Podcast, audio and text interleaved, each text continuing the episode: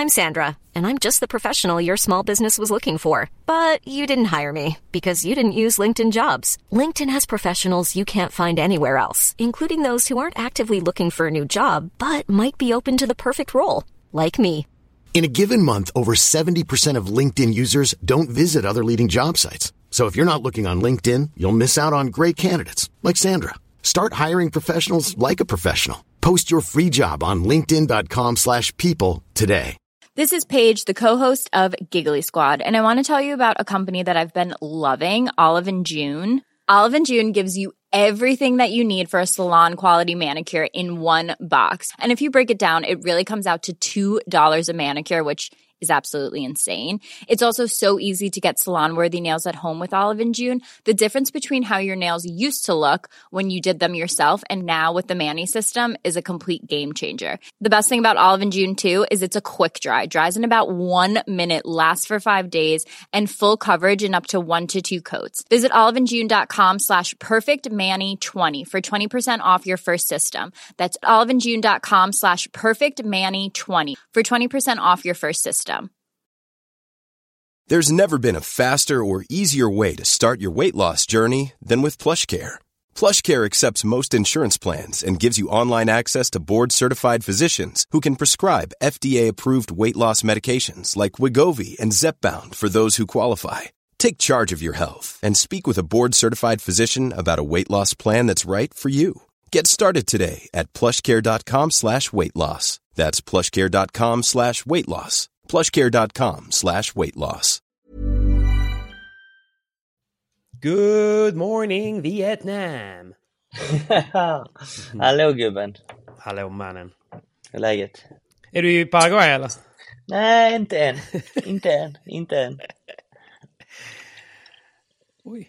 Är det kolsyrat vatten? vatten. Lite kolsyrat vatten, ja. Jag är faktiskt här på, man ser det nästan på flaskan, Lidingö Resort. Ah, jag ser att ni hänger där mycket och spelar. Är det nice där eller? Det är svinnice. Det är svinnice. Ja. Det är ju en eh, golfklubb från början. Eh, och vi vet att golfklubbar brukar ändå ha ganska så här trevliga, vad kan man säga, facilities med bra restaurang, bra luncher. Mm. Eh, och eh, det har de verkligen här på Lidingö Resort och nu har Nice. de ju faktiskt även en väldigt trevlig paddelhall som eh, vi har börjat träna på. Så Hur många det, banor är- är det? det är sex banor. Sex barn. Okej, Mm. lagom. Det är lagom. Jag tror att Mm. 6 till 8 är typ det optimala för en paddelhall. Eh, Ja. Så att det. eh, det, det är klockrent här ute faktiskt. Och det, är, Mwah. det är mycket besökare. De har ju ett fint hotell här också. Mm. Så att det... pff, Jag vet inte, men hur Men mycket beläggning de har. väl? Det är konferensanläggning också. Mm. Eh, så att det är ganska smidigt och enkelt att anordna träningsläger här borta. Att Mm. man drar hit ett gäng, sover över här på hotellet. Det finns ett litet spa, spadel, spelar paddel och... ah, det, Låter det, rätt gött faktiskt. det är faktiskt jävligt gött. Och speciellt nu när vädret börjar bli lite bättre kan man ju golfa lite också. För de Det som är gillar gött det. att växla lite mellan Paddle Crew och eh, Lidingö då. Verkligen, Det är det verkligen. Ja, det gör vi.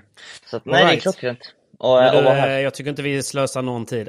Eh, Vi måste spola tillbaka bandet till eh, Madrid förra veckan. Ja! Jag vet inte var jag ska börja gubben. Nej, alltså. Jag har aldrig suttit så hårt på en... Eh... Ja men okej, vi tar tillbaka. Hur var... För det måste ha varit en ganska eh, tuff eh, Previa. Vi pratar Mm. VPT-kvalet till Paraguay Mm. som spelades i Madrid. Det är lite skevt att förstå att kvalen spelas i Madrid även om tävlingen är i Paraguay. Mm. Lite synd om Paraguay-spelare kan jag tycka. Men så är det. Mm. Eh, så kvalet spelades där. Eh, Danne fick en... Eller, Danne förlorade sin första match Mm. i det Mm. kvalet. Åkte ut direkt. Och eh, hur var ditt motstånd? Hur hur var din lottning från början? Eh, ja, om, om jag ska bara liksom göra det lite tydligt för er varför kvalet går i Madrid. Det Mm. var ju för att det, det är ju tre deltävlingar som går i Sydamerika och eftersom majoriteten av alla spelarna befinner sig i Europa så spelar man kvalen i Madrid då. Eh, Köper Madrid är, ju, Madrid är ju fortfarande paddens mecka kan man säga. Alla de bästa toppspelarna bor i Madrid, tränar i Mm. Madrid och har sin bas i Madrid. Och man får väl faktiskt säga att de bästa akademierna finns i Madrid också. Ja, ja, du, har ju, du har ju besökt eh, några av dem. Men visst finns att... det lite... Det finns ju en hel del dolda talanger även i Paraguay, eller hur? Ja, det är klart, men de har ju två wildcards. Och jag tror mm. att ett wildcard utdelades till det bästa paret i Paraguay och det andra wildcardet spelar de en intern, ett, en intern tävling, alltså man kan säga ett kval eh, mm. i Paraguay för att få den platsen. Så att eh, mm. det, det är ändå schysst tycker jag. Nice. Eh, yeah. Så att därav spelar vi kvalet i Madrid. De första två kvalen gick inte så bra för mig och Jaime, så vårt, vår, vårt samarbete började inte på bästa möjliga sätt. Får man Nej. väl ändå säga. Det var ganska tungt i början. När vi började träna, jag åkte ner två veckor innan eh, säsongen skulle dra igång, tävlingarna. Mm. Så var, det var ju inte så att det klaffade, utan det har liksom pff, Vi har fått jobba oss fram för att spela någorlunda okej. Okay. Och jag tror att vårt, vår första bra braiga match var i Doha, Qatar. Där okay. vi hade en tränare från M3-akademin eh, på bänken. Mm. Och fram tills dess, innan dess, så har det inte alls gått bra. Nej. Alltså vi har ju tränat Men det, är det samarbetet du menar då, eller är det bara med att ni inte har levererat? Samarbetet. För mm. Samarbetet har inte funkat, vilket mm. gör att vi spelar sjukt. Vi har spelat dåligt tillsammans. Alltså jag spelar stämningen dåligt individuellt också, också. Nej, stämningen är bra. Alltså, eller, stämningen i sig under matchen, under träningen mm. är ju självklart inte på topp. Men Nej. utanför banan så är den ju väldigt, väldigt bra. Mm. Men eh, det har varit tufft för oss, för vi har inte fått det att funka alls. Eh, inget flow, inget flyt. Och vi har aldrig liksom hamnat in the zone i matchsituation kan man säga, varken jag eller han individuellt. Och spelar jag kanske bra, spelar han skit. Och då blir det att man ändå inte vinner eh, matcherna. Så vi har vunnit typ noll träningsmatcher inför säsongen. Mm. Och eh, under eh, tävlingen så har vi inte heller vunnit. Men i Doha så blev, kom det en vändning. Vi mötte Luis Hernandez och eh, eh Inigo eh, Joffren som är två sjukt duktiga spelare som också har kvalat in till VPT i år och är mm. i storform. Och där spelade vi en fin match. Vi förlorade den, men det var en tight match som vi förlorade med 7-5, 6-4. Eh, men där spelade vi bra för första gången och där fick vi liksom upp självförtroendet lite tror jag. Okay. Och, då, och då hade vi kanske gnuggat på och tränat varje dag tillsammans under månads tid. Så att det har ju mm. tagit sin tid för att få det att funka. Eh, men då spelade det faktiskt bra, så att när vi åkte till Madrid från Doha, då, då hade vi ändå liksom confidence med oss. Att shit, vi spelade ändå en bra match, nu behöver vi ja. faktiskt få saker att funka. Det finns något att bygga på. Mm. Ja. Men eh, mentalt sett så hade jag egentligen i mina tankar redan lite tankar på att Ja, okej. Okay. Hitta någon annan liksom. Att mm. eh, VPT Paraguay kanske skulle bli vår sista tävling och se. Och vet du vad? Ta ett snack med Jaime. För jag tror att han hade han, han hade nog känt samma sak och har mm. känt samma sak att fan, vi, vi, vi, vi försöker, vi vill men vi får det inte att funka. Nej. Då är det kanske bättre att okej, okay, låt oss testa med andra spelare. Och ni båda vill ju bara ta er in liksom? Alltså det, spelar, ja, alltså det är det ni vill? Det är det vi vill. Vi vill ju bara mm. vinna matcher. Vi vill ju ha ja. bra resultat. Det, är det, det, det, måste man, annars blir det så jävla tungt. För att när man är iväg och reser ja. eh, och spelar tävling efter tävling vecka in vecka ut och är ifrån familj eh, och nära kära kompisar mm. och framförallt man inte man är långt från hemmet liksom. Alltså mm. Den här tryggheten att vakna upp i sin säng, att vara var hemma, träna hemma.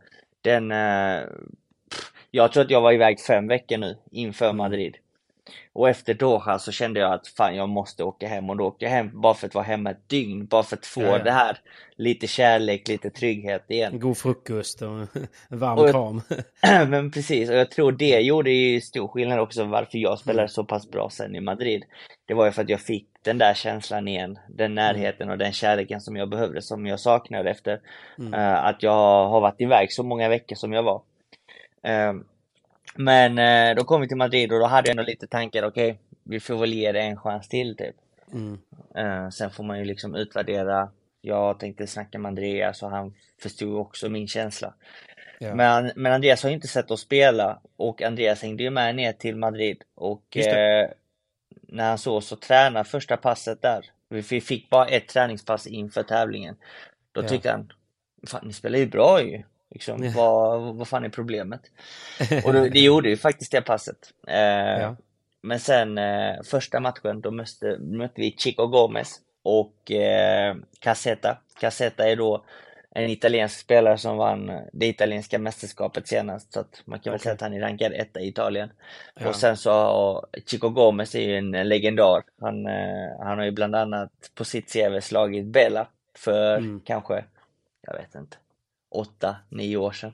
Okej. Eh, Så att det var en gammal main draw-spelare som eh, ja, börjar bli till åren i alla nu. fall. Mm, Mm. Verkligen, och han, han gnuggar på, han grindar och tränar Mm. på för fullt och liksom lever på padden fortfarande.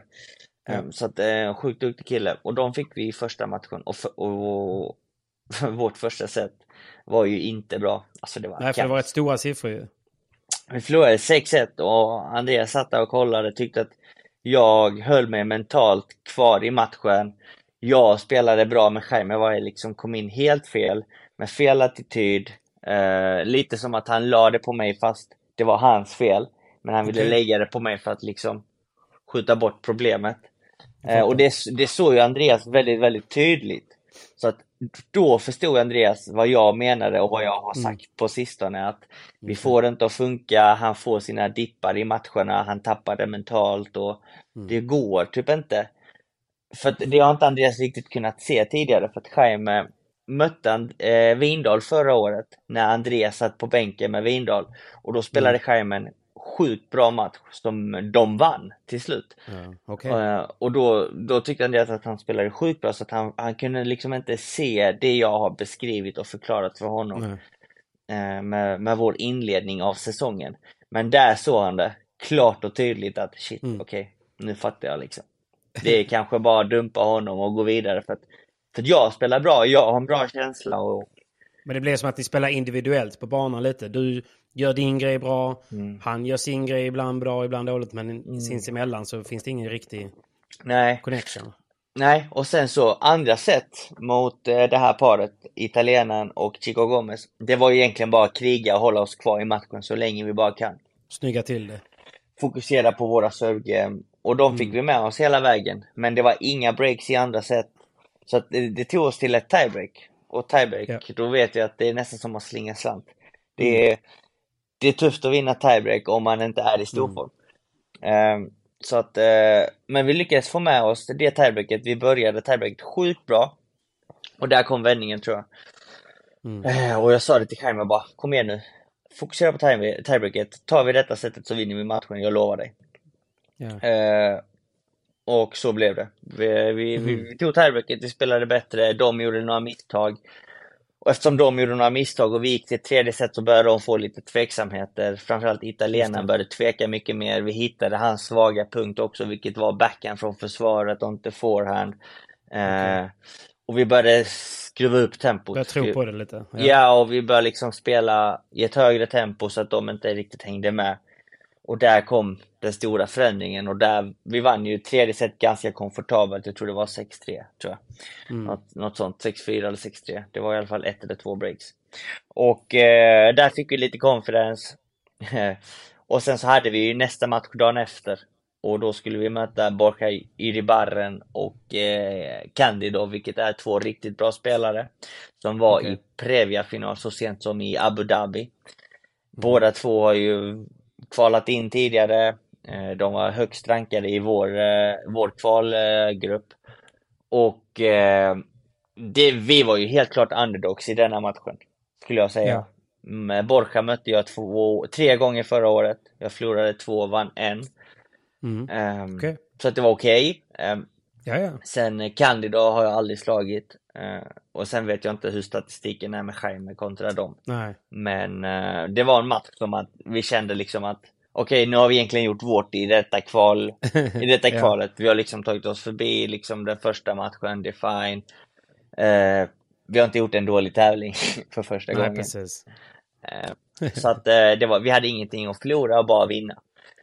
Eh, jag Ja. pratade mycket med Andreas då hur jag skulle förbereda mig inför denna matchen och även med Javi Posanko som, eh, som satt på bänken med oss, vilket är Jaimes tränare sen, sen gammalt. Som Okej. känner Jaime in och ut, alltså känner honom väldigt, väldigt väl och vet exakt hur han kan styra honom i en match. Och vet exakt hur han ska ta tillbaks honom om det är så att han får en dålig start. Så vi hade, får en dipp liksom. Ja, vi hade Jaime på bänken då.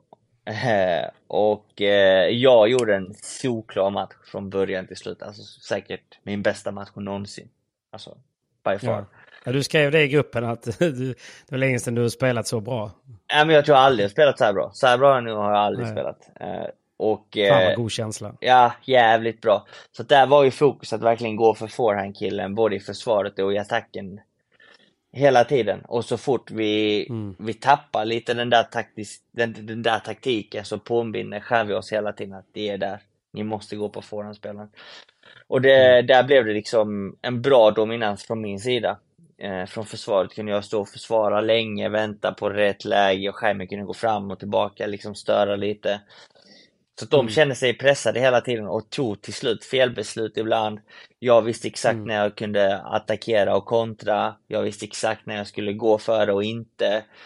Uh, så att de, uh, det, det var en match som bara liksom gick vägen från början till slut. Mm. Alltså det var felfri. Och uh, alltså. ja, det var jävligt gött. Och där, det, det var ju vår första riktiga match som vi spelade Alltså grymt bra från början till slut. Alltså en bra match från oss ja. som lag. Och då fick vi självklart confidence. Då var det liksom, oh shit. Nu det klickade till där. Ja men det klickade till lite och då kände man fan, mm. vi har ju faktiskt någonting att bygga på. Det här är ju mm. riktigt bra. Så där var jag ju skitglad. Och sen när vi väl mm. eh, vann så insåg vi ganska fort att shit, vilka har vi i kvalfinal? Jag hade inte kollat. Och då visade det sig Nej. att Piotr och, och Pedro Vera då, Piotr är mitt ex då. Din gamla partner ja. Eh, de hade ju slagit ut, det paret som hade slagit ut Martin Pinheiro och eh, Pablo Garcia. Som var det andra mm, paret som var högt rankade i den, i den kvalgruppen. Ja. Eh, så att då kände jag bara sjukt att möta dem. Jag förväntade ja. mig inte det för att tekniskt, eh, teoretiskt... Du tänker att det skulle vara tuffare motstånd? Ja, men teoretiskt sett skulle det vara Pinheiro och Pablo Garcia som har kvalat in. De slog, till, pappret, ja. de slog ju Lamparti veckan innan. Mm. I, i Doha. Ja, Så att då tänkte jag bara, fy fan, om de har åkt ut mot ett bra par som sedan åker ut mot Piotr. Jag vet ju hur högsta nivån Piotr har med Pedro Vera, för jag såg dem eh, både i Doha och eh, i kvalet till eh, till La Rioja, då spelar de sjukt bra tillsammans. Då tänkte jag, fan mm. det är en tuff match. Det är en jävligt tuff match och det blir en mental match här också. Med tanke på att vi alla fyra känner varandra väldigt väl. Alla vill ju vinna också mot sitt ex. Precis. Dels det och sen så vet jag att Piotr har ju gjort en main draw tidigare bara. Jaime har gjort mm. två och Pedro Veda har gjort noll. Så då, då, då, är det liksom en stor match för oss alla fyra, för att är vi är ju inte mm. där så ofta. Eh, snarare väldigt, det är så nära också. Och det är så nära och det här sista steget är ju så svårt. Mm. Eh, men vi, vi la upp en plan och planen var egentligen mer eller mindre samma som eh, matchen innan. Det är ju forehandkillen vi ska gå för. Eh, för Piotr, okay. Piotr när han är i sin salsa, då är han riktigt jävla mm. farlig. Han kan hitta vinnare från alla mm. Håll och kanter, sjukt explosiv och, och försvara otroligt fint. Mm. Så att eh, det var liksom att ge Piotr för mycket boll, då kan det bli tufft för oss. Eh, mm. Och banan var Hur mycket långsam. skönare är det nu att, eh, att... För nu spelas ju matcherna en per dag. Mm. Tidigare var det väl en förmiddag, en eftermiddag match. Man hinner inte riktigt lägga upp samma plan som det. Nu får du ändå... Ni vinner en match, ni hinner vara glada över den matchen, ni hinner gå ut och käka, lägga upp en plan, sova. Mm. Alltså det, det, måste ändå göra väldigt mycket. Det gör ju otroligt mycket. Eh, första dagen spelar man två matcher. Om okay. man inte är framåtlottade. Vi var framåtlottade mm. här. Eh, mm. Så att eh, första matchen är två matcher, sen är det en match dag två och dag tre, vilket är sista dagen, då är det en match också. Och det är, så, finalen liksom. Precis, mm. och som du säger, det är natt och dag. Eh, jag har haft sjukt svårt att tävla, vinna och sen varva ner och hinna ladda för nästa match. Och ställa om igen. Ja. Nej, göra det på samma dag är tufft. Alltså. Det är sjukt tufft, framförallt på denna nivån tycker jag. Eh, SPT mm. är fine, för ibland kan man få jo, någon match. Alltså. Det är en del av tävlingen där. Ja. Precis. För där, där ska man ju inte ta sig vidare på samma sätt. Här är det ju... Jag vet inte, hur många kvalfinaler har du spelat i Previa? Två, med denna inräknad. Ja. ja du vet, och det, det är rätt tufft att bara ta sig till kvalfinal. Det är därför jag bara menar att varje match blir så laddad. Ja. Till skillnad från, även om SPT är viktigt så är det ju mer det är liksom ett vanligt träd. Mm. Alltså man, ja, i kvartfinal, semifinal, mm. alltså så. Här är det ju för att man ska någon annanstans. Ja, precis. precis. Och det är, det är så få som har kvalat in, så oftast är det nästan mm. mer eller mindre samma par, eller några stycken det slåss om. För att det är så sjukt tufft ja. att kvala in.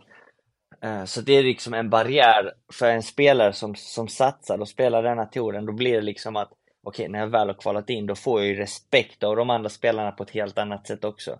De ser på det som mm. att okej, okay, shit, du är kanske en main draw-spelare eller du har potential att vara det. Mm.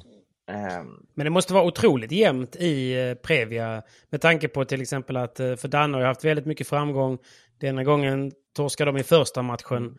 Mm. Och jag har ju dålig koll på lagen som de möter och så vidare. Bara sådär. Men man, jag bara menar att det är någon tydlig signal med tanke på vilken form han är i sitt lag. Mm. Att de kunde torska första matchen och sen nästa gång kanske de kvalar in. Alltså det betyder ändå att det är så otroligt, otroligt små marginaler i hela Previan. Verkligen. Kolla bara på vår första match. Vi höll ju på att åka ut i första omgången. Mm. Nu lyckades vi vända den matchen och så slutade det med att vi kvalade in hela vägen.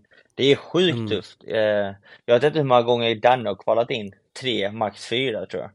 Så att det är, ja, det är inte så ofta man lyckas ta sig hela vägen. Sen så Nej. Ju fler gånger du gör det, desto längre går det för varje tävling. Alltså Danne har varit väldigt konsistent mm. att i Previan alltid vinna två, tre matcher. Det kanske förlora mm, kvalfinal eller liknande. Men att han tagit sig till slutset, eh, till de mm. sista matcherna i kvalet. Men att ständigt kvala in, det är sjukt få som gör det. Eh, det är några få par. Mm. Typ Rafa Mendes, Cavi Martinez kanske är ett sådant par som oftast kvalar in. Men att man lyckas mm. göra det gång på gång, det är väldigt sällan. Eh, så att man, ja. som, du, som du nämner, man kan lika väl åka ut i första som att du kan... Att kvala in. Som att kvala in, absolut. Mm. Det handlar om vilken dag du... Alltså vilken dag du har. För jag och Jaime mm. kan ju spela sjukt bra, men sen så kan vi lyckas, mm, eller kan ha oturen att möta ett annat par som spelar sin livspaddel första matchen. Och då mm. åker vi ut, även om vi spelar bra. Sen kan vi spela skit, men de andra som vi möter i första omgången har en ännu sämre dag. Då vinner vi ändå mm. och så kanske vi spelar bättre nästa match.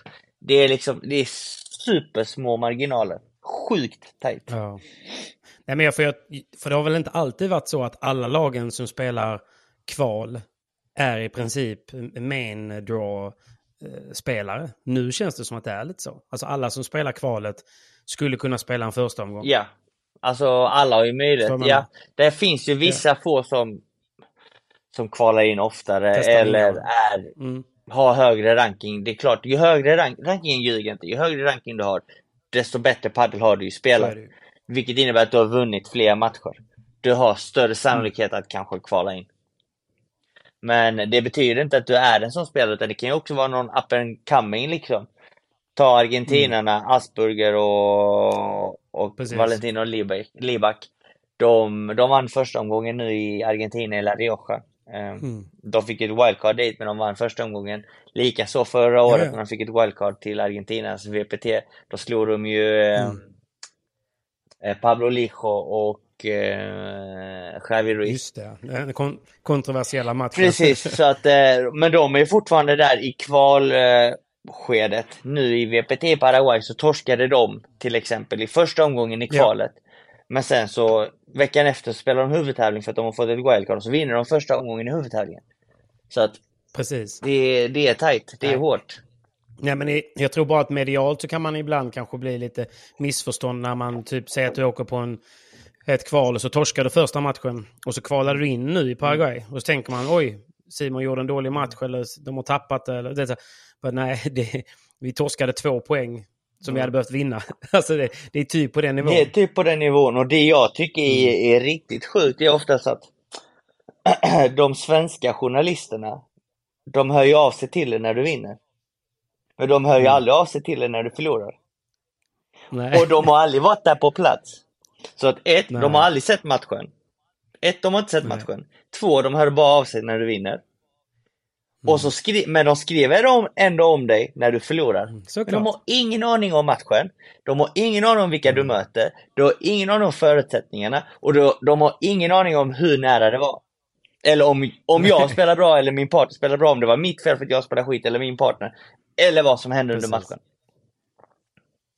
Det är också därför man inte kan lägga någon vikt i vad de skriver eller vad eh, gubbamatörerna säger i sina podcasts. Nej, men det, det jag tycker är sjukt, det är liksom att de skriver som om de vore där på plats ibland. Att nej, men de mm. förlorade för att de hade någon golden point. Men jag har ingen aning om vilka jag möter ens. Mm. Alltså fråga typ någon från kanske, jag vet inte, vilken som helst. Vem är Chico Gomez? Nej, ingen aning. Han är från Brasilien, lite äldre. Men du har ingen aning om vad han har på CVt. Nej. Eh, och likaså alla andra spelare. Sjukt duktigt. Man tar ju bara upp de som gör resultat och skriver om de som gör resultat. Men de har inte sett matcherna. Nej. Påverkar det dig någonting då? Nej, absolut inte nu längre. I början gjorde det. Men inte nu längre. Mm. Men det, det, är liksom, det, det är liksom någonting jag tycker är skevt för svensk paddel. För att det blir att de andra som är paddelfanatiker som läser deras artiklar, deras eh, allt, Rubriker, all, det mesta de läser. Det mesta de liksom. läser, mm. det, de får ju en helt fel uppfattning också av så mycket när det gäller internationell padel. Mm. Så att, eh, men jo. det påverkar inte mig, men jag tror att det påverkar vissa av de svenska spelarna som kanske kommer vilja börja spela större tävlingar mm. och ha höga ambitioner och är i början av sin resa. Då tror jag att just den biten kan förstöra dem, eller gör, skrämma, skrämma lite. lite. och förstöra spelarna också till viss del. Tror jag. Mm. Definitivt. Och det, det i sig... Men vad, är, är det förutom sitt ego då, är det mer du tänker att kanske det ser inte så bra ut för sponsorer och annat då? Eller är det bara att man påverkas personligen att man, nej, kanske inte borde vara här, kanske inte borde testa och spela Previa liksom, eller så? Alltså det är väl mer att när de skriver så som de gör, låt oss säga att jag är ny satsande spelare internationellt och så kanske går det skit i mm. tre tävlingar. Fast jag spelar kanske ändå bra, jag gör bra ifrån mig. Men rubriken är alltid ah, torska första, torska första, torska första. Mm. Då blir det liksom som att allt det där negativa du sitter och läser eller får höra, det får ju dig att tvivla. På något sätt, om mm. du inte är tillräckligt tränad mentalt och mentalt stark. Mm. Och där tror jag att liksom att det må, alltså, jag minns ju när jag började tävla med Danne och det tog oss mm. fem VPT-tävlingar för att vinna vår första match. Så mm. våra fyra första, förlust i första, förlust i första, förlust i första, förlust i första. Och jag minns ju själv att det drog mitt självförtroende härifrån dit efter första. Sen neråt och mm. neråt och neråt. Men liksom, men, men varför ska mitt självförtroende dras ner för att jag sitter och läser någonting som en journalist har skrivit, som inte var där på plats, som inte har en aning om vilka jag möter. Och jag vet knappt vilka jag möter, mm. men de skriver om, om, om förluster man, man har. Alltså vet, jag tycker man ska vara försiktig där mm. framförallt med blivande svenska spelare som kanske, jag vet inte, Adam Axelsson, Willy Slarry och hela den generationen som mm, kommer, som kommer nerifrån och upp och är sjukt talangfulla och sjukt duktiga. Men tänk dig när de börjar mm. spela internationellt, vilken press de kommer känna för att de vet att nu spelar jag en stor tävling, det kommer skrivas om mig. Mm. Jo men precis. Det kommer finnas i deras tankar. Och du vet, Såklart. Det, men skulle typ Adam kanske börja spela och så vinner han första, andra, tredje matchen. Man vet inte att det bara flyger. Han gör en svinbra tävling. Ja. Det är klart, den, det kommer aldrig hända då ju. Men skulle han få en tuff start, jag och Danne fick en tuff start och de flesta får en tuff mm. start. Det är klart, då är det alltså det tar på en kanske en ung kille mentalt att känna att mm. ah, Vad gör jag här? Typ, typ, exakt. Vad gör jag här? Jag borde hem och spela ja. sanktionerad A-klass och det, och det är helt fel. För han ska ju gå mm. ut från den matchen och tänka att fan jag måste träna mer, okej okay, då kör vi nästa. Exakt. Jag måste träna mer, och kör nästa. Vad måste jag bli bättre på? Det här gjorde jag bra men det här ska jag jobba på. Det här måste jag jobba på, det här mm. måste jag jobba på. Jag måste bli en bättre partner för min partner ska prestera. Alltså, är mm. de här, de mm. tankarna istället? Men så blir det ju inte. Så där, där tycker jag det är en sak som borde bli bättre. Och det är också för att det är egentligen för nästa generation. Vi, vi, för oss, vi har redan gått igenom det. Vi har redan fått den där mm. skiten. Vi har redan fått smaka mm. av det mm. där ruttna äpplet. Alltså det, det, så är det ju. Det är liksom eh, tråkigt, men så var det. Så var det för oss och så har det varit. Och det, ja. ja. Men om man, det är ju lite så här, om man inte misslyckas så försöker man ju inte ens. Och då kan man aldrig bli bäst. Absolut inte, men det var liksom som, som Andreas sa till mig, han bara Jag tror inte du fattar Simon, men det var inte många som hejade på dig i höstas. Alltså jag menar, jag har haft en tuff period under sommaren med lite skador innan, men innan skadan så, det, mina resultat var inte så bra. Folk sa att jag borde kanske spela mer i Sverige för att vinna lite matcher, jag borde spela en lägre tour för att vinna mm. lite matcher. Eh, skadan kom och du vet, här, men det är en bortförklaring för att det har inte gått bra, bla bla bla. Mm. Du vet, sådana saker började ja, ryktas. Ja. Det var till och med någon som frågade, fan ska du sluta satsa Simon? När jag var skadad, mm. jag bara va? Vadå sluta satsa? Av ren spekulation. Ja. Och sen mm. så kom hösten, eh, Simon får inget wildcard till, eh, till, eh, till, Just det, VPT. till VPT. Och anledningen till det, det var ju också att jag fick höra att, nej men Simon du har ändå försökt många gånger men du har aldrig lyckats kvala in. Mm, så att eh, vi ska, alltså du får inget wildcard nu. Mm. Alltså det var ju inte många som, he som hejade på mig då. Nej.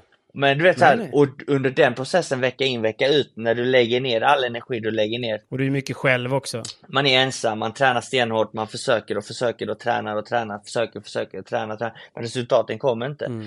Då blir det så här, då börjar man tvivla på sig själv och då tänker man okej, okay, då lägger jag ner. Och det är det vi inte vill. Det är, det är inte det vi vill. Utan det jag vill och det alla spelare vill, det är att man ska få stöttning, man ska liksom jobba på saker för att bli bättre och ändå bara försöka.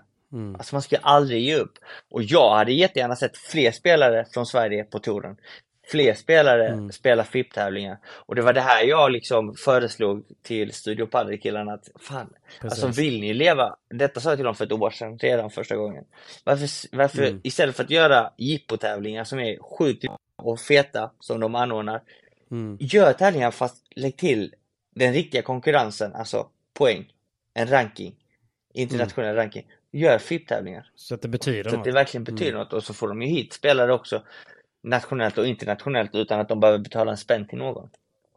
Och mm. detta tror jag kommer vara skitbra. Att svenska spelarna spelas in i en internationell ranking, alltså FIP. Mm. För att sedan liksom mm. verkligen komma ut internationellt utomlands och känna att Alltså ha ändå lite confidence och liksom ändå gå med, mm. med, med, med, med rak rygg.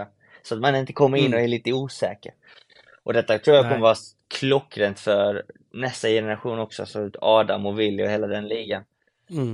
Eh, men det, det, blir ju mycket att det blir mycket skriverier och paddel, alltså svensk padel flög ju så här. Och det är svinbra. Men jag tror att det mm. gäller också att hjälpa de satsande spelarna att, att liksom in, inte bara dra ner dem hela tiden. Nej.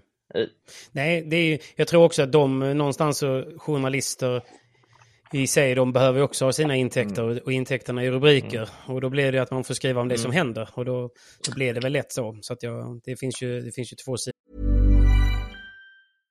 I'm Sandra and I'm just the professional your small business was looking for. But you didn't hire me because you didn't use LinkedIn jobs. LinkedIn has professionals you can't find anywhere else, including those who aren't actively looking for a new job but might be open to the perfect role, like me.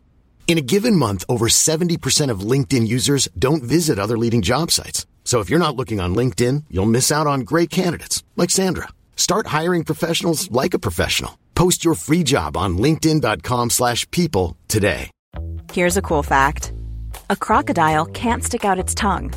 Another cool fact, you can get short-term health insurance for a month or just under a year in some states.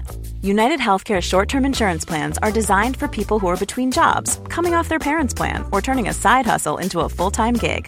Underwritten by Golden Rule Insurance Company, they offer flexible, budget friendly coverage with access to a nationwide network of doctors and hospitals. Get more cool facts about United Healthcare short term plans at uh1.com.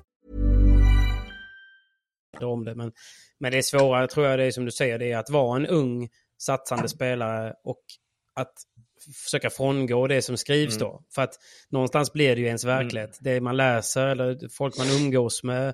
Man blir ju en del av det man konsumerar. Mm. Det är också därför det är också därför det har blivit väldigt här, trendigt med liksom, meditation eller att man, ja, men du vet, att man mm. verkligen så här, intalar sig själv att man är någonting man inte mm. är för till slut så är man det. Alltså förstår du vad jag menar? Ja, så är det.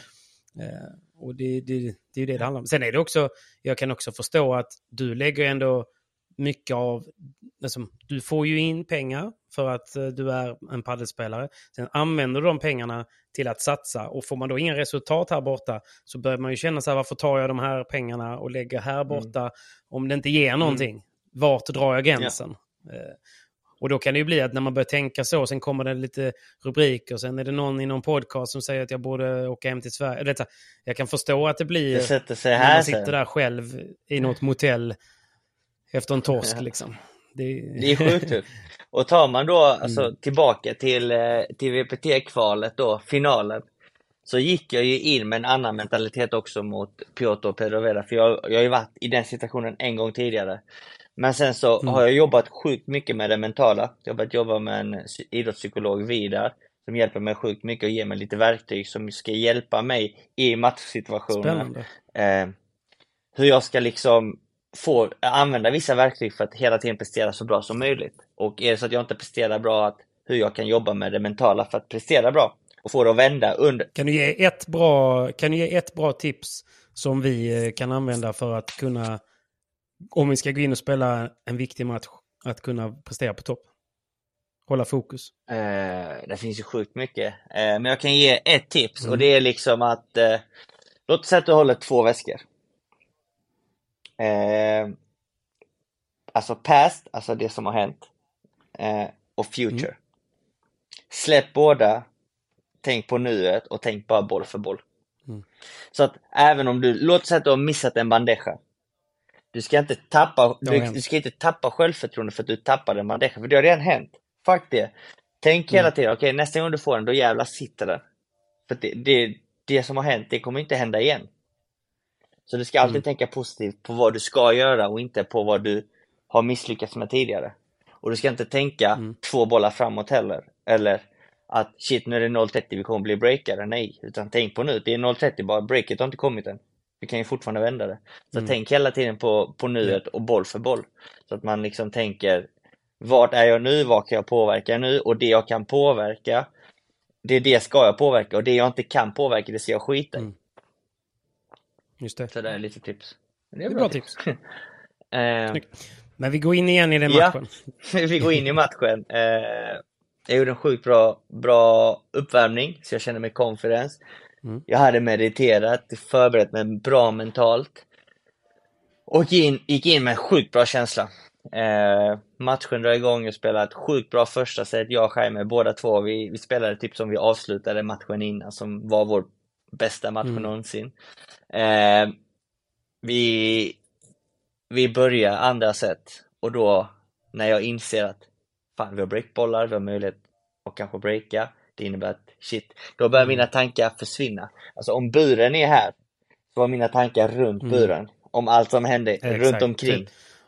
Hur ska jag fira? Hur glad kommer jag vara? Vad, ska jag, alltså, ja, men, vad kommer de skriva? Inte riktigt de tankarna utan mer att shit, vi har fan möjlighet att kvala in. Jag har chans att kvala in. Mm. Så börjar mina tankar liksom vara liksom fokusera på det som händer utanför buren.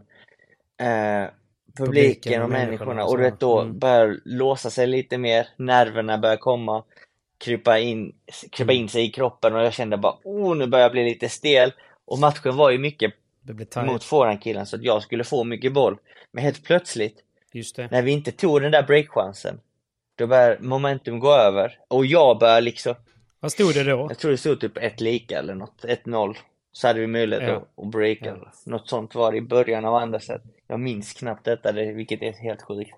Men mm. då började tankarna gå att shit, där försvann chansen, nu blir det tufft, nu måste vi göra det svåra igen. Du vet, tankarna försvann mm. från att ta boll för boll till att nu blir det tufft, nu måste vi göra det här, nu måste vi... Alltså du vet, jag började spinna mm. iväg på saker som jag inte Besvika dig själv. började liksom. tänka på alls. Uh, och detta var i början av andra set. Och då kände jag, jag vill inte ha boll jag vill inte ha. Då blev det att man tar fel beslut, vissa lobbar blev lite korta, eh, man gick för fel bollar. Och så satt jag där i sidbytet och jag bara shit, jag är fan nervös, fan också. Det här måste jag bli av med nu. Så att under sidbytena när coachen snackade med oss, jag, var i, jag, jag lyssnade inte på honom. Han snackade mycket mot Jaime då också. Men jag började liksom så här bara börja meditera, börja andas, börja jobba med tekniken hur jag skulle andas för att lugna ner mig, för att inte känna den nervositeten. Mm. För att när du är nervös, du känner det ut i fingertopparna, du känner att okej, okay, jag har lite handsvett, ja, ja. mer handsvett än vanligt. Precis. Fast man är lite ja, kall ändå. och så fötterna bara, ah, de, är, de reagerar inte riktigt som de ska. Det här kopplar inte. Jag bara, oh, nu är jag stressad. Så jag måste, måste varva ner. Jag måste få, få, få det liksom att hamna in the zone, hamna i flow igen. Som jag hade tappat. Mm. Så jag började så meditera hela tiden, tänka på andetagen. Eh, och fokusera på rätt saker. Och sen så började jag hamna lite mer boll för boll, boll för boll. Mot slutet av andra set, jag tror vi låg under 4-3 break ner. Eh, mm. Eller 4-2 break ner. Så började jag tänka och hamna i det där stadiet igen att ta boll för boll. Eh, förlorar vi detta sättet, skitsamma Simon. Du har ingenting att förlora, du är i en mm. kvalfinal. Du har gjort det här resultatet en gång tidigare, vilket fortfarande du ska vara jävligt stolt över.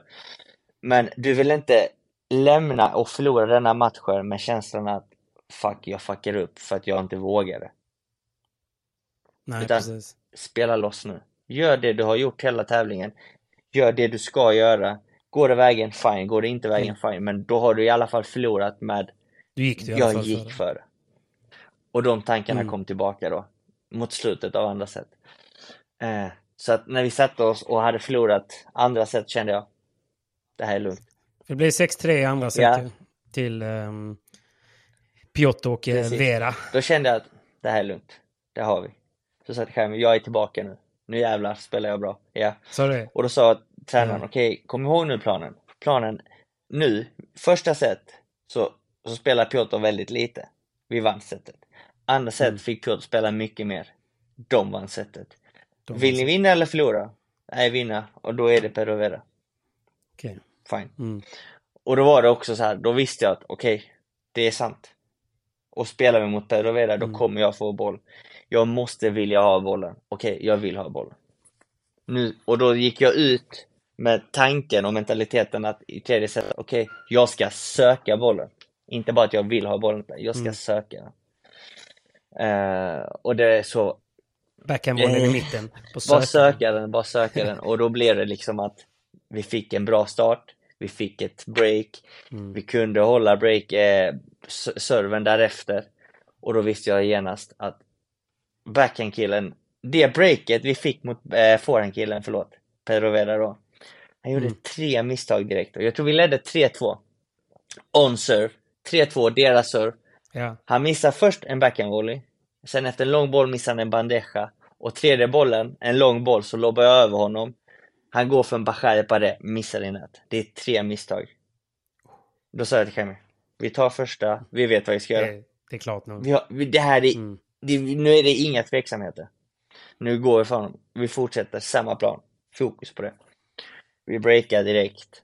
Eh, och då säger också Piotr bara, shit, min partner gjorde tre misstag. Är det, ja, det, är tufft, det är tufft då. då. Och för Pedro mm. Vera då, alltså du kan själv tänka dig, du är i en kvalfinal, han har aldrig kvalat in. Han fuckar upp tre slag. Ja, lika han fuckar upp tre liksom. slag med tre enkla misstag från sin sida. Där han tar felbeslut. Mm. Det är klart han sjunker härifrån ner hit. Självklart. Men det är också det som är så sjukt. Man kan, för du vet, momentum i padel kan ju verkligen gå så. Han kan tappa de här tre bollarna. Och så mm. får ni breaket. Men sen så kan det ju lika bra bli att han gör en sån reset och sen transar sönder gamet efter. Och så börjar du tänka, mm. men vi har break up, mm. nu ska vi bara hålla detta, så blir du lite tunn. Och så förlorar man och sen är det tillbaka. Så det kan ju det verkligen kan ju gå fort. Det alltså. var det jag och Jaime påminde oss hela tiden. Vi ledde 4-2, hade servern. Så har vi exakt samma mm. tempo, exakt samma val av slag, exakt samma spel. Ja. Det är sjukt det är viktigt, alltså, ja. även om man har breaket upp och tänker att det är, det är stängt. Och, och då, klart, då var liksom. det liksom, jag tror att det var jag som 4-2, då måste det varit jag som servade. Eh, mm. Vi förlorade första bollen. Så det är så här 0-15, bara blir vi breakade tillbaka, då är nästa momentum på deras sida. Men det är det jag säger, det kan ju Men gå det är fort. sjukt viktigt att hålla det servegamet. Då sa jag till Kaima bara, ja. ingen fara, vi fortsätter exakt samma. Kom ihåg, samma, samma, samma, samma. Fick ju något enkel, enkel boll med och så, så började det liksom spinna tillbaka. Ja. Men 0.30 där, då är det helt plötsligt liksom... Då börjar man bli tunn i volleyn igen och så kanske man gör något unforced. Fram, framförallt när det är golden point. 0.30, det är, det är, det är nästan som en 0.40. Så att eh, ja. det var jävligt skönt att vi höll det gamet till 5-2. Och då visste vi att ja. okej, okay, Pedro Vera är nere nu. Vi fortsätter mm. likadant. Så fort vi får en boll nu i returgamet så är det bara att neutralisera mot honom med en lobb. Men det var ett långt sidbyte ja. där vid 5-2. Ja, som vanligt. Vi satt och sa time. Vi var ju rätt trötta i kropparna också för det var en lång match. Och banan var långsam så det var mm. långa dueller. Det var väldigt långa dueller. Um, och det var ju mm. utspring också, så, så fort man kickar ut en boll så... Jag tror att alla gånger vi kickade ut en boll, nästan till 80% i alla fall, så var det vunnen poäng av det andra laget. För de kunde springa ut, kontra in den. Okay. Så att så man var, fick ju verkligen välja rätt läge för smashen. Så att det var ju långa bollar. Mm. Så att eh, det sista gamet sa vi, mm. så fort vi får en boll att neutralisera spelet så är det bara skicka upp den högt på forehandkillen och så börjar vi bygga där. Ja. Vi väntar, vi väntar, vi väntar. Och så var det. Jag tror jag har mm. matchbollen så vi kan lägga ut här sen. Jag har den. Jag har du har den va? eh. Väl... För jag följde ju bara via livescoren och det stod ju 5-2 och så tog jag upp till en golden point. Och den golden pointen på sajten kändes som att den höll på i typ ja. tre ja, kvart. Det, det kändes som det också när vi spelade. Jag tror vi kom upp till, eh, vid 5-2 läget i tredje set så ledde vi 30-40. Vi hade två breakbollar. Mm. Första matchbollen så, så returnerar Jaime, lobbar direkt i mitten, vi båda rusar. Vilket inte, vilket inte var taktiken. Mm. så där tappar vi det också. Varför inte då? Ja, men var det var ingen bra, bra lopp som bollen skulle sitta ut från bakväg och Piotr är ju jävligt bra på trycket. Ah, ja, vi skulle attackera. egentligen att bara stå kvar och bara vänta. Vänta, vänta lite mer, göra bollduellen lång. Men han lobbar bra i mitten, mm. lite för bra, vi båda kommer fram. Eh, Piotr slår en Bachai Pares stenhårt i mitten. Som Jaime går in och blockar, hamnar i nät. Jag bara, så samlas vi igen. Vi bara, exakt samma sak fast vi ska hålla nätet och kom ihåg, lobben ska till Pedro, inte Piotr för att han kan smasha, han, han kan göra något oväntat. Vilket gör att vi inte kan, mm, eh, kan vinna bollen. Nej, precis. Och inget övertag. Så det är Pedro mm. Vera. Så det är bättre att gå lågt och sen lobba Pedro och sen så börjar vi när vi väl har läge. Så vart det. Mm. Eh, och man ser i matchbollen att alla fyra är ju alltså nervösa. Det är en tight boll, alltså man är ju tight. Eh, men där ser man också hur, hur vi mm. jobbade med lobben mot Perovera. Hur vi jobbade poängen och eh, mm. nej, sen till slut föll matchbollen och då var det liksom så här.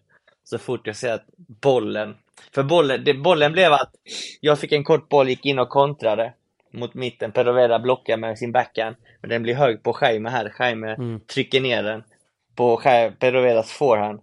Han är där, men han får den bakom kroppen så att den hamnar, den studsar direkt i galler ja. på vår sida.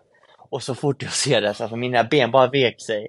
Jag bara kryper ihop och ja. sen så bara kom alla tårar, alla känslor, du vet. Jag älskar den bilden som VPT la ut när du sitter på knä. Nej, det är sjukt. Alltså, vet, varje gång jag ser den bilden så blir jag tårögd. Jag blir så känslosam. Jag bara... Alltså, man börjar gråta liksom. Det är så mycket jobb bakom den vinsten. Jobb. Det är det, det är det jag vill framhäva lite. det var helt lite. galet. Alltså helt galet. Och framförallt när man har haft en sån period, ett sånt år jag hade förra året. För det är också någonting jag snackat med mm. min psykolog. Det är liksom att tidigare år, jag har aldrig spelat en hel VPT-säsong där jag prioriterar de internationella Nej. tävlingarna och inte spela i Sverige. Tidigare år så har man spelat Eurofinans och då har man ju vunnit typ många av de deltävlingarna. SPT vann man de flesta. Du vet, man vann ju mycket. Mm. Då hade man en helt annan confidence. Ja. Eh, och då eh, till att spela hela året på VPT där man förlorar mer än vad man vinner. Mm. Eh, ja, och framförallt alla de här skriverierna varje gång, okej, okay, förlora, förlust, ja. Eh, dålig tävling, ännu, dålig, mm. ännu ett dåligt resultat. Och, Hur länge ska han hålla på? Liksom? Och, och allt det där, du vet, alla, alla tvivel från andra och det skapade att jag började tvivla på mig själv ibland. Liksom, är det värt det? Jag, ja. ja. det vi snackade om innan. Vart har man gränsen? Precis det liksom? vi snackade om mm. innan. Och uh, nu vart det bara mm. liksom såhär bara, åh, äntligen. Vi lyckades hela vägen. Fick du betalt? Ja, nej, det, var, det var faktiskt helt magiskt. Helt magiskt. Uh, och jag fick även upp en, en gammal bild för, för exakt tre år sedan.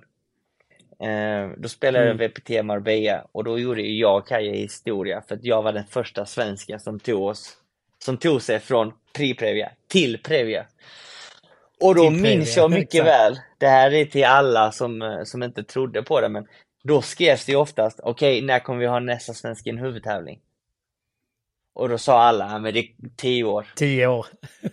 ja men åtta, nio, tio år minst. Och du vet, Danne påminde mig också, för Danne satt ju där och kollade på matchen. Och efter mm. vi hade vunnit, när vi firade lite, där vi käkade lite god alltså en vanlig lunch egentligen som vi käkat i flera veckor. Och en bira, då sa han, ja. Nu är det så jävla, vi så gött är det inte och bara liksom räcka fingret till alla som sa att det skulle ta tio år. Och man bara, shit, Exakt. det är fan sant alla experter där hemma som bara sitter i sina... Ja, men det, det hade jag ju glömt. Men jag minns det mycket väl att, att det var liksom, ja, ja. det är tio år man sa att man är långt ifrån att ah, han kanske inte har det, mm. han har det, kanske möjligtvis om han har tur om något, alltså x antal år. Du vet här, ja. för det, det, var det, det var det de trodde, det var det som sades. Och mm. nu blev det liksom så här, ja, ja riktigt ja, nice, och alltså. just att Alltså det viktigaste för mig också, kände jag, det är liksom att bevisa att jag kan slå de här spelarna. Och att jag kan spela så pass många bra matcher i rad och vinna så pass många matcher ja, i rad. För att den respekten du får av andra spelare i toppen, den är helt annorlunda. Mm. För jag minns mycket väl när vi satt i Doha, eh, satt vi runt ett stort runt bord, matbordet då. Så jag tror vi var mm. typ 12-14 spelare. Och detta var kvalspelare. Ja. Och det är kvalspelare som har varit med länge, vissa lite nya. Och då var det så här frågestund. Då fick en spelare mm. ställa en fråga till en annan spelare. Och okay. då skulle den, en av de, eh, en av de spelarna då hade, hade fått den frågan att ta två stycken som kommer kvala in i VPT någon gång och säg två stycken som aldrig kommer kvala in. Den är oh, tuff! Alltså det var tuffa frågor, alltså, alltså ruggigt tuffa frågor! Och då vart det ju, eh, då fick en kille den, denna frågan. Och då runt det här bordet så kanske det var två eller tre spelare som hade kvalat in av 12-14 stycken. Mm. Så han hade ju alla de andra att välja ut. Och då skulle han ta ut två stycken som han trodde skulle kvala in och två stycken som aldrig skulle kvala in. Mm. Jag fick ju en av dem som att jag aldrig skulle kvala in. Och det var så jävla gött för han var också bland de första. Så han var också bland de första som skrev till mig. Han bara Fan vad jag är glad för din skull och fan vilken morot du måste ha fått efter mitt svar idag. ja. Ändå snyggt Så att faktiskt. Eh, det är också så här. Vi, vi alla polare ju. Vi vill ju alla väl. Men du vet när du får en sån fråga, vi var tvungna att svara ärligt och vi var tvungna att svara. Så han hade inget val mm. heller att liksom, okej, okay, jag måste, måste slänga någon under bussen. Liksom. Men det var jävligt skönt faktiskt. Och just att få de här samtalen från typ Pinch och du vet andra spelare från huvudtävlingen eller duktiga. Ja, ja, ja. Att de skriver och grattar en, alltså du vet här. Det var jävligt skönt. Det är roligt ju. Ja. Också eftersom att du har fått, du har ju fått wildcard och spelat någon med en på hemmaplan och sådär. Och då kan det lätt bli liksom att, ja men det är han svensken, mm. yeah. sponsrade yeah. svensken. Alltså förstår du menar? Mm. Han får åka lite yeah. räkmacka, han är med ibland liksom. Han är inte riktigt Så där. Att, eh, det var extra jävla skönt måste jag säga. Mm. Fan vad kul alltså. Då bär det av till eh, Paraguay om typ Nej, två mindre. veckor? Blir det, det blir eh, nästa helg. Mindre? Så att inte nu till helgen, mm. utan nästa helg. Så att, eh, och lottningen kom Riktigt igår och kul. vi fick Bella Sanjo. ja, det är väl, vad Det är blandade det, känslor. Eh, det är ju en lottning på, vad är det, 24 par. Eh, ja. Bella Sanjo är ju tredje bästa paret i världen just nu. De var i final i senaste tävlingen. ja. Ett, alltså ja, det finns lite olika sätt att resonera. Ett, det är jävligt kul att möta två legendarer. För enligt mig och de flesta så är Sanjo och Bella bland de största genom tiderna. Sanjo, Gud, ja. Bela, och det kommer de vara när de lägger Bela ner sen så kommer de vara by far den största av alla, utan tvekan. Sanjo är enligt mig mm. den bästa forehandspelaren genom tiderna. Så att det var så här, mm. okej, okay, på ett sätt, gå in på, på en centerkort mot dessa två gubbarna. Okej, okay, det är jävligt fett. Det kommer bli jävligt nice. Det, vi ska njuta. vi ska fan ställa till det för dem. Mm. Uh, mm. Å andra sidan så vet jag att shit, det finns ju typ 20 andra par som är bättre att få för att ha en större chans att vinna. Ja. Att faktiskt kunna vinna Jag, jag satt ju och kollade på lottningen och bara, ja men de hade varit rätt sköna att få, de är okej, de också. Du vet, så här, Det är ändå ett tio par, Mm. Ja. tiotal par som, som man känner att, oh, den hade varit jävligt nice. Ett wildcard-lag hade jag inte heller tackat nej till. Mm. Nej, jag menar varför inte? Det hade ju varit nice. Inte för att de Nej. är dåliga nödvändigtvis, Nej, men de är ju de inte Bela Sanjo liksom. Och jag har ju tränat en hel del mot, mot dessa två gubbarna och, och mot andra toppspelare. Och just det, det kanske inte syns och det kanske, man, man kanske inte ser det när de spelar, men just de, sättet de kan dominera och styra spelet från bakplan. Det är det som är så jävla läskigt Mm. för att det gör ju att dina servegame blir sjukt Ja. tuffa. Att känna att okej, jag servar men jag har inget övertag. Nej, bara för Nej. att man har nät så vinner man inte poängen. Det är ju det. Eh, så att, eh, nej, men det ska bli häftigt såklart. Det ska bli häftigt. Och du ska med va? Ja, riktigt kul. Jag ska självklart följa med. Det jag kan inte missa Mr. Vasquez Nej. första main draw, i, även om det är på alla sidor För en tävling. Men Ja, ja men det blir skitkul och jag har alltid velat eh, åka Mm. liksom, till typ Paraguay för att förhoppningsvis hinna kolla Mm. in lite streetpaddle också, du vet. Och se om vi kan hitta lite stjärnor där och sådär. Så att, nej, men jag tänker det blir roligt content, det blir kul att följa med och så får ju vi ett roligt minne också. Så att, eh, det är klart att jag ska med. Det blir kul. Mm. Nej, det är roligt. Jag är jätteglad för din skull och eh, jag hoppas att det är en morot till andra satsande eh, killar och tjejer där hemma som, som eh, kanske är tidigt ute i sin paddelkarriär eller, eller inte, men att fan, det, är, du vet, det, det, finns bara ett sätt och det är, det är bara du som kan diktera det. Folk kommer alltid ha åsikter, folk kommer alltid tycka och tänka. Det kan vara föräldrar, det kan vara liksom eh, nära och kära som också har åsikter, men det är ändå bara vad du gör som kommer att spela någon roll. Så att, ta det verkligen med er, alltså. Eh, Det spelar verkligen ingen roll vad andra tycker. Eh, Det är, det går. Och det, Det är det jag, jag sa det, Det till Linnea för någon vecka sedan också. För jag satt och käkade lunch med Andreas och Linnea och Andreas sa, vad är ditt bästa tips till Linnea? Jag bara, börja tävla internationellt nu. Det kommer aldrig finnas ett rätt Mm. läge. Du kommer aldrig liksom, du kan inte träna dig till en bättre paddelspelare för att känna att okej, jag är inte redo nu, men om jag kan det här och det här och det här paddelmässigt, då, då är jag redo. Nej, absolut inte. Ju tidigare desto Mm. bättre, eh, ju fler matcher desto bättre och Mm. hela tiden liksom, vänta inte. Det är liksom någonting jag verkligen vill ge, alltså för tips till alla, alla som har höga ambitioner, som har Mm. lust att satsa på riktigt. Att vänta inte utan börja köra. Förlora i början, det kommer du göra ändå. Ja. Så enkelt är det. ja, ja. Och Nej. det är inte hela världen. Verkligen liksom. inte. En förlust. Men du, vad är det som händer nu eh, med VPT i Argentina? Alla återbud. Jag såg att det har blivit lite skriverier och det var ju Galan hamnade ju i, Mm. i eh, in the crossfire. Det blev lite pajkastning. Arrangören säger att han fejkar en skada och han gick ut och sa att han har Mm. haft problem med knät länge. Och sen så hakar alla andra par på, Ja. typ, känns det som. Det är åtta, åtta par som har tur. ur och det är ju liksom att det vi måste förstå är att La Rioja ligger jävligt dåligt till i Argentina.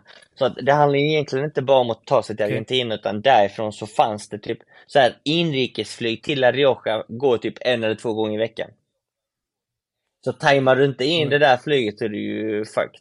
Jag vet att Bergarimi som var Mm. i Doha, eh, han sa att jag bokade mitt flyg nu men mitt problem är att jag måste flyga från Doha, Madrid, Madrid, Buenos Aires och Buenos Aires så måste jag ta en buss på 15 timmar. För att det fanns Okej, inga flyg till La Rioja. Och du vet, det Nej. är också ett problem för många spelare att det kostar ju mycket pengar men är flyglogistiken och resan dålig så tänker man alltså, ja. jag kommer ju knappt komma dit. Så att alla, alla par som kanske Nej. gick hyfsat bra i Doha och, och inte har hunnit liksom haft tiden för att ta sig dit i tid och kanske hittat flyg till rimliga priser. För det är sjukt dyrt. Mm. Eller tillräckligt bra kopplingar. Då känner de att fan jag kommer inte prestera. Varför ska jag åka dit och förlora massa pengar? Det är bättre att jag väntar och åker till Chile för att det är mycket lättare. För då hinner jag landa i Madrid, träna på bra, förbereda mig bra inför en tävling Mm. som kommer kosta mig massa pengar. Och jag kommer ha bra flight Ja. connection. För att vara så, lång, så långt bort. För vi får inte glömma att jag tror Mm. att hälf, ja, mm, två tredjedelar av alla i en huvudtävling gå back per tävling. Om tävlingen mm. spelas i Sydamerika och ligga ute i tre veckor. Det är liksom, det hade kostat spelarna runt 60 000 som de går back. Om de mm. inte går till semifinal, final. Så är det... Eh, nej, precis. Så är det någon tävling typ då man ska skippa så är det väl de här som Fra är sämst. Ja, och framförallt La Rioja. Som är, som är sämre. För att just Paraguay, Asunción, där finns det direktflyg från Madrid till Asunción. Vilket är fine. Eh, men det kostar också mycket pengar. Och till Chile så kan du mm. köra Madrid, Sao Paulo, Sao Paulo, Santiago, sen är du där. Så att där är logistiken också mycket mm. lättare. Mm och funkar bättre. Men du får också de här, den här perioden att komma hem till Spanien, för de flesta bor i Spanien, träna på ordentligt, förbereda dig mentalt ja. och fysiskt inför en tävling och sen åka. Men många av dem, att komma från Doha, mm. bam bam, och så är logistiken skit, det är inte värt det. Vilket jag förstår. Nej. Och sen den här Lisandro, han är ju också Men, liksom en snackepelle. Ja. han ville ju starta en mm. egen tour innan och grejer och sen så hotade han några spelare med att gå ut med lite hemligheter om de, om de inte liksom tog hans sida. Alltså du vet. Ställde upp. Mm. Så att, ja, han skjuter sig själv. Galan vill man ju, Galan vill man ju inte uh, ha på fel mm. sida. Och han har ju problem med sina knän för att under försäsongen så, så måste han ju träna helt rätt för att knäna och kroppen ska funka rätt.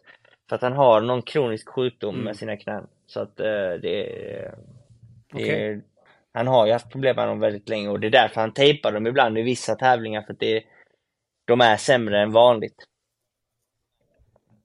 Ja, mm. fattar. Okej, okay. men är det klart att Premier Padel har köpt VPT? Vet du det? De är fortfarande i förhandling. De är fortfarande i förhandling. Ja. Alltså, det, det enda vi fick reda på nu senast, eh, precis nu när vi spelade kvalet till eh, Paraguay, det är att troligtvis så kommer VPT-poängen som spelas nu inte räknas in till den internationella rankingen som hålls av FIP nästa år. Eh, fram okay. tills att Premier Padel och eh, VPT kommer fram till, eh, till någonting och liksom affären blir klar mm. så att säga. Då kanske VPT-tävlingen mm. kommer räknas in. Beroende på vad som händer med VPT. Okay.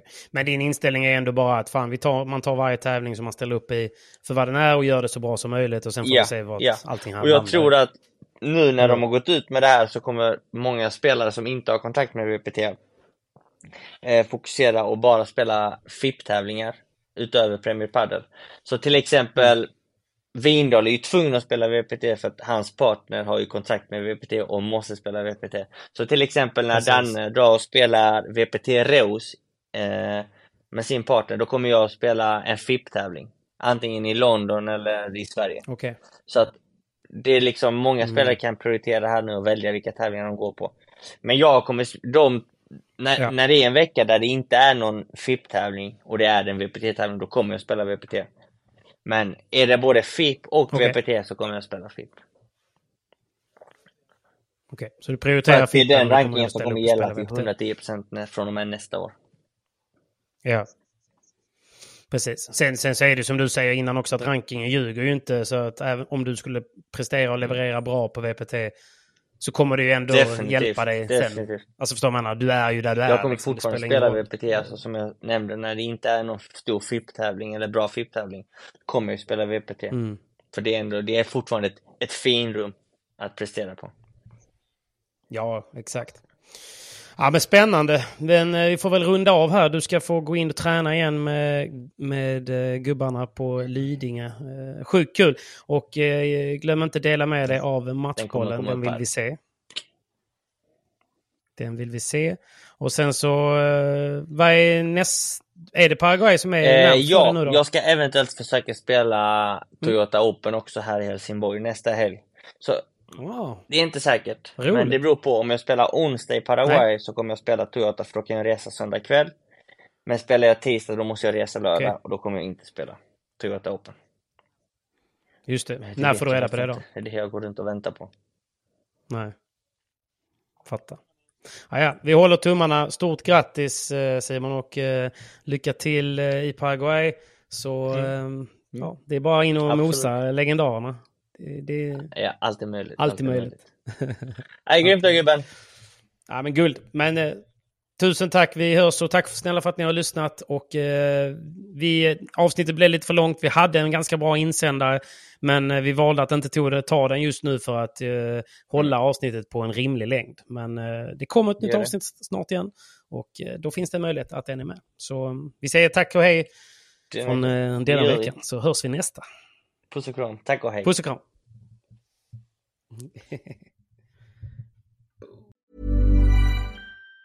Even on a budget, quality is non-negotiable. That's why Quince is the place to score high-end essentials at 50 to 80% less than similar brands. Get your hands on buttery soft cashmere sweaters from just 60 bucks, Italian leather jackets, and so much more. And the best part about Quince, they exclusively partner with factories committed to safe, ethical, and responsible manufacturing. Elevate your style without the elevated price tag with Quince. Go to quince.com slash upgrade for free shipping and 365-day returns.